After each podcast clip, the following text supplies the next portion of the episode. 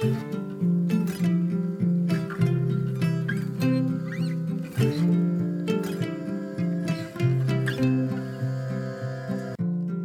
och välkommen till For Health med Anna Sparre. Så här i semestertider, när många av oss gärna tar ett glas vin eller kanske en öl till grillmaten, så ska vi prata alkohol. Hur är det egentligen? Stämmer det att det är nyttigt att dricka ett glas vin regelbundet? Och hur påverkar alkohol din vikt och din fettförbränning? Idag får du dessutom lära dig lite om hur kroppen fungerar, bland annat om hur en bakfylla funkar. Om du gillar det här avsnittet så blir jag jätteglad om du vill dela med dig av det på Facebook, Instagram eller till en vän. Glöm inte heller att lämna ett betyg på podcasten i din podcastapp. Det kan du göra genom att söka fram podcasten For Health med Anna Sparre med hjälp av sökfunktionen och sen välja recensioner. Och så lämnar du ditt betyg där. Ju mer du lyssnar, delar och lämnar betyg eller recenserar, desto bättre går det att hålla podden levande med en massa gratis information och intressanta intervjupersoner. Stort tack på förhand! Och ett extra tack till alla er som redan lämnat betyg eller recensioner, som till exempel Mangos 92 Japp som skriver “Väldigt intressant” med fyra ä. Lyssnar alltid på denna podden när jag är ute och går eller grejar i trädgården. Underhållande och framför allt lär jag mig så mycket nytt. Hon berättar ingående så att jag verkligen förstår hur kroppen fungerar. Lär mig någonting nytt härifrån hela tiden. Rekommenderas starkt! Tack snälla för detta! Och kom också ihåg att boka mig som föreläsare. Jag föreläser bland annat för företag och privata grupper. Och om du är nyfiken efter avsnittet så hittar du mer information på forhealth.se.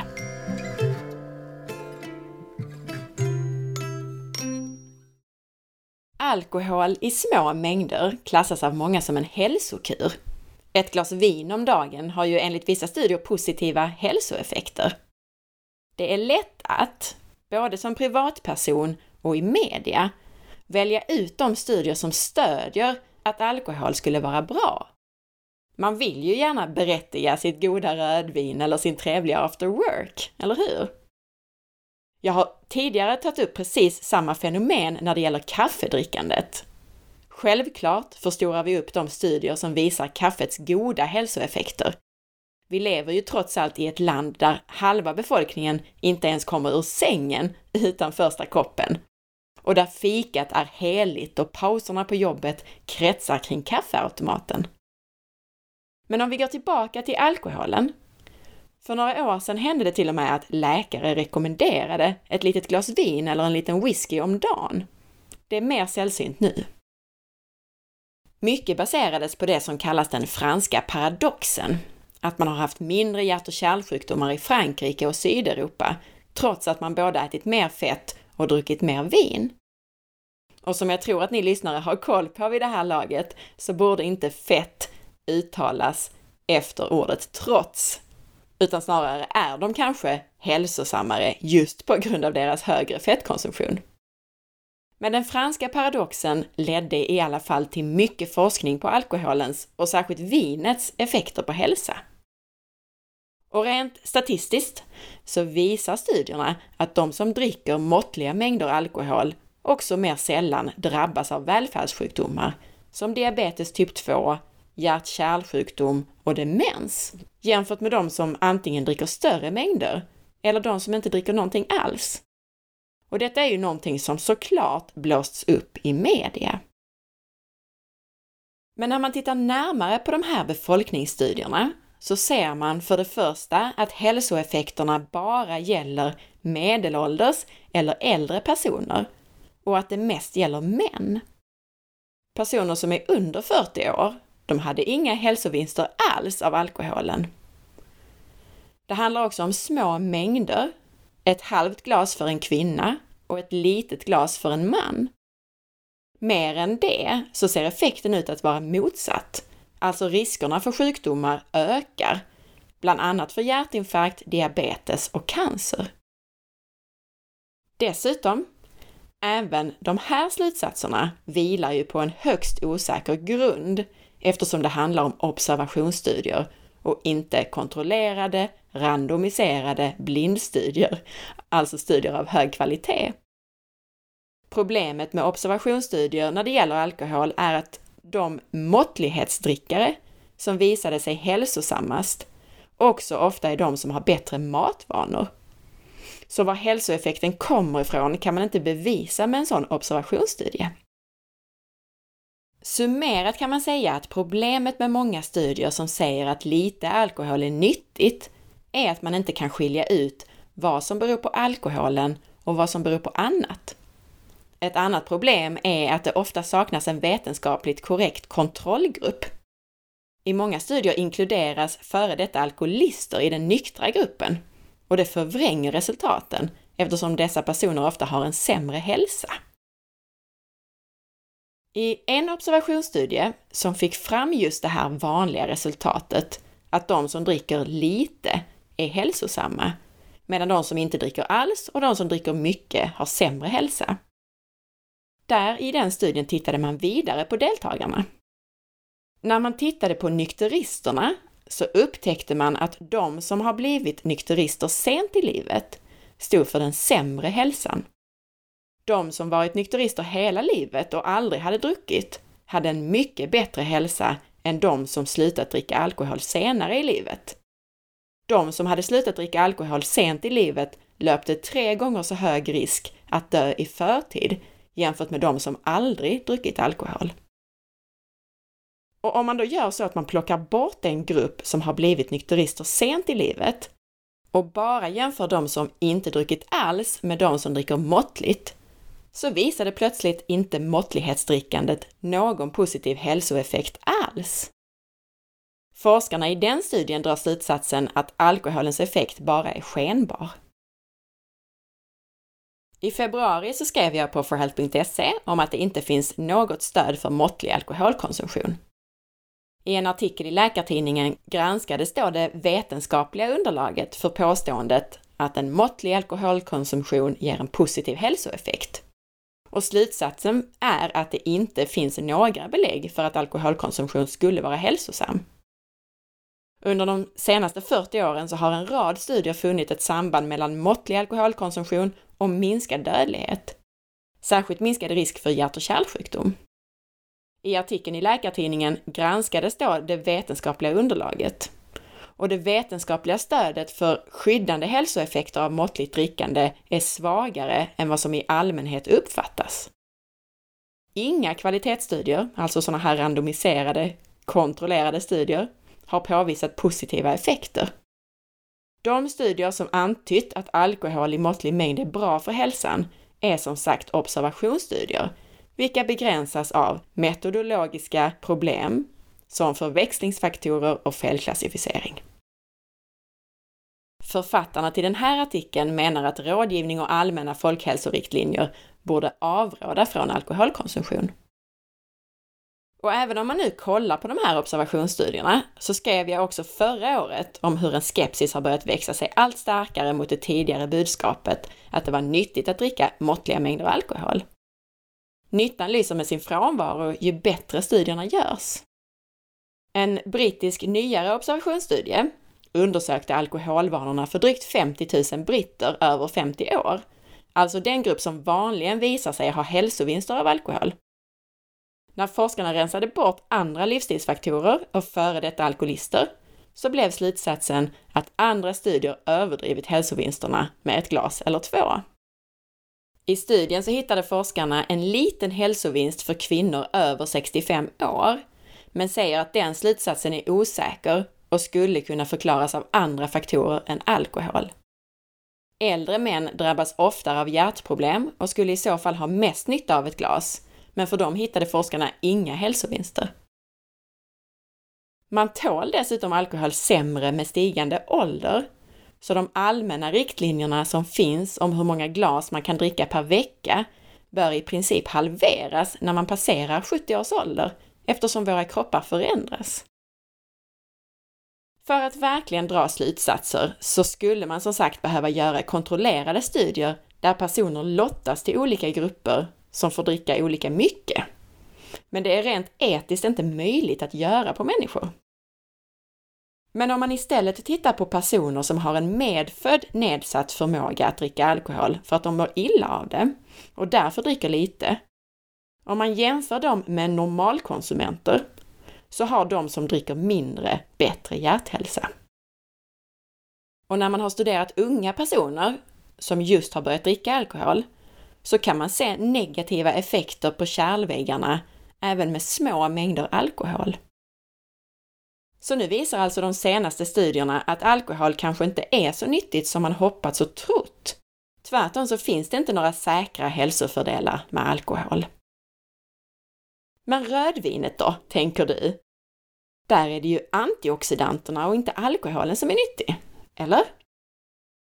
Holger Theobald, som forskat på alkohol, han berättar hur man i observationsstudier bara ser en positiv effekt av den lägsta vinkonsumtionen som studeras, en halv flaska vin per vecka. Och han säger att om det vore antioxidanterna, flavonoiderna, som stod bakom skyddseffekten, så borde skyddet istället öka med en ökad vinkonsumtion, alltså med en ökad antioxidantkonsumtion. Men resultatet talar för att det är andra faktorer, en sund livsstil, som ger skyddseffekten som man kan se då i de här observationsstudierna. Flavonoider, antioxidanter, kan man ju dessutom få i sig i färgrika bär, grönsaker och frukt istället för i form av vin. Och dessutom, om du inte väljer ett ekologiskt vin, så är nog nettoeffekten inte särskilt bra. Den hårda besprutningen av druvor gör nog att skadan överstiger nyttan av antioxidanterna. Vindruvor placeras oåtkomligt för barn, löd en kampanj för Naturskyddsföreningen, apropå besprutningen av vindruvor. Men jag kommer till lite mer om det här med besprutning strax. Fredrik Nyström är en av de läkare och forskare som fortfarande står fast vid att lite alkohol är hälsosamt. Men han hävdar bestämt att det är just alkoholen och inte antioxidanterna i ett glas rödvin som ger dig effekt. En annan påpekad effekt av alkohol är att det höjer det goda kolesterolet, HDL. Men den effekten kan du få av saker som att äta naturliga fetter och att motionera. Och om man vänder på kakan och istället tittar på de negativa effekterna av alkohol så är de mycket tydligare i forskningen. Alkohol påverkar i stort sett alla dina organ, men särskilt levern, hjärnan och nervsystemet. Där syns skadorna snabbast. En hög alkoholkonsumtion ökar risken för cancer. Enligt några studier kan risken för bröstcancer öka redan vid bara ett enda glas vin om dagen. När alkohol bryts ner i kroppen så bildas acetaldehyd, ett cancerframkallande ämne som dessutom är en av anledningarna till att du blir bakfull. Jag kommer till det alldeles strax. Det bildas dessutom fria radikaler som kan skada cellernas mitokondrier och DNA. Alkoholen kan också förenkla för andra cancerframkallande ämnen att tränga in i dina celler eftersom det verkar som ett lösningsmedel. Alkohol försvagar dessutom immunförsvaret, särskilt NK-cellerna, Natural Killer Cells, den del av immunförsvaret som är särskilt viktig för att ta hand om cancerceller. Och som lite kuriosa så är det just det här ämnet, acetaldehyd, som ger sig till känna när du blir bakfull. Acetaldehyden orsakar svettning, rodnad, illamående och en hög puls. Men bakfylla åstadkoms inte bara av acetaldehyd, utan det är en mängd olika faktorer som bidrar. Vätskebristen är ju en särskilt viktig faktor som många känner till. Alkohol hindrar utsöndring av hormonet ADH som reglerar vätskebalansen. Det leder till att man utsöndrar mer vatten än normalt vid alkoholintag. Och med urinet så försvinner ju också en hel del mineraler och vattenlösliga vitaminer. Och allt det här kombinerat gör att du inte mår prima efter en hel kväll helt enkelt. Men att du känner till det här gör ju att du också kan göra någonting åt det. Så några tips, förutom att inte dricka alkohol allt för ofta, så är några tips mot bakfylla dels vätskeersättning, framförallt salt och vatten. Och dels att redan på kvällen knapra i sig lite aktivt kol för att absorbera de giftiga ämnena i kroppen innan de hinner påverka dig. Testa efter nästa bröllop eller fest som gör att du får i dig mer än ett litet glas vin. Några andra saker som alkohol verkar påverka är demens. Storkonsumenter av alkohol har större risk att drabbas av demens enligt observationsstudier. Depression. Depression är mellan två och fyra gånger vanligare hos de som dricker mycket alkohol. Alkohol kan nämligen sänka dina nivåer av må bra-substansen serotonin. Fettlever har nog de flesta hört talas om relaterat till alkohol, även om det idag är vanligare att fettlever beror på för hög konsumtion av socker och fruktos än på alkohol. Alkoholhaltiga drycker ger ofta allergi och överkänslighetsreaktioner. Och troligen beror det inte på alkoholen i sig, utan på naturligt förekommande biogena aminer eller på besprutningsmedel eller tillsatser. Vinproducenter har ett undantag från att behöva märka på vinets förpackning om vilka tillsatser man har använt. Det finns ett 60-tal tillsatser som är tillåtna utan att man alltså behöver skriva på flaskan eller boxen att de finns i produkten. Och många drabbas av hälsoproblem av dem. 20 av de här 60 tillsatserna är kända för att ge problem. Flera storsäljande boxviner innehåller också rester av bekämpningsmedel, visar Kalla faktas granskning. Forskare konstaterar att vindrickare inte bara kan bli bakfulla av själva alkoholen, utan också av tillsatserna och resterna av bekämpningsmedel i vinet. Man kan se mer än 55 gånger högre halter av de här ämnena än vad som är tillåtna i dricksvatten. Och en del jämför därför vin med otjänligt vatten. Dessutom så påverkar alkohol sömnen. Många tror felaktigt att alkohol hjälper dem att sova bättre. Och det stämmer att alkohol kan göra dig mer avslappnad så att du somnar lättare. Men sömnen kommer inte att göra dig utvilad och du vaknar lätt. Alkohol stör nämligen kroppens produktion av melatonin, sömnhormon. En rapport från Idrottshögskolan visar hur mycket våra tillväxthormoner och därmed träningsresultat faktiskt påverkas av alkohol, även i liten eller normal mängd. Alkoholen ger en väsentligt sämre muskeluppbyggnad i flera dagar efter att man har druckit. Nivåerna av testosteron och andra tillväxthormoner minskar med 25 dagen efter ett normalt drickande. Och ju mer du druckit, desto mindre tillväxthormoner. Om du har druckit flera dagar i rad så kan minskningen av tillväxthormoner i blodet vara så stor som 70 till 75 procent. I ett av experimenten så utsattes försökspersoner för en mycket hård styrketräning. Försökspersonerna som inte druckit alkohol var ändå i stort sett återhämtade 60 timmar efter träningspasset. De som hade fått alkohol dagen före träningspasset var däremot väldigt långt från återhämtning. Uthållighetssporter drabbas generellt mindre av alkohol eftersom syreupptagningsförmågan inte påverkas av alkoholen. Så på konditionsidrotter så verkar bara prestationen då enligt de här studierna påverkas med 2 till 3 procent. Men alkoholens största inverkan på hur vi drabbas när vi sportar är en indirekt effekt genom att skaderisken ökar och reaktionsförmågan minskar dagarna efter man har druckit. Du får sämre reaktionsförmåga och koordination i flera dagar eftersom nervsystemet är påverkat av alkohol. Nu tänker du kanske att jag struntar väl i mina organ. Jag vill veta hur det här påverkar min pågående viktnedgång.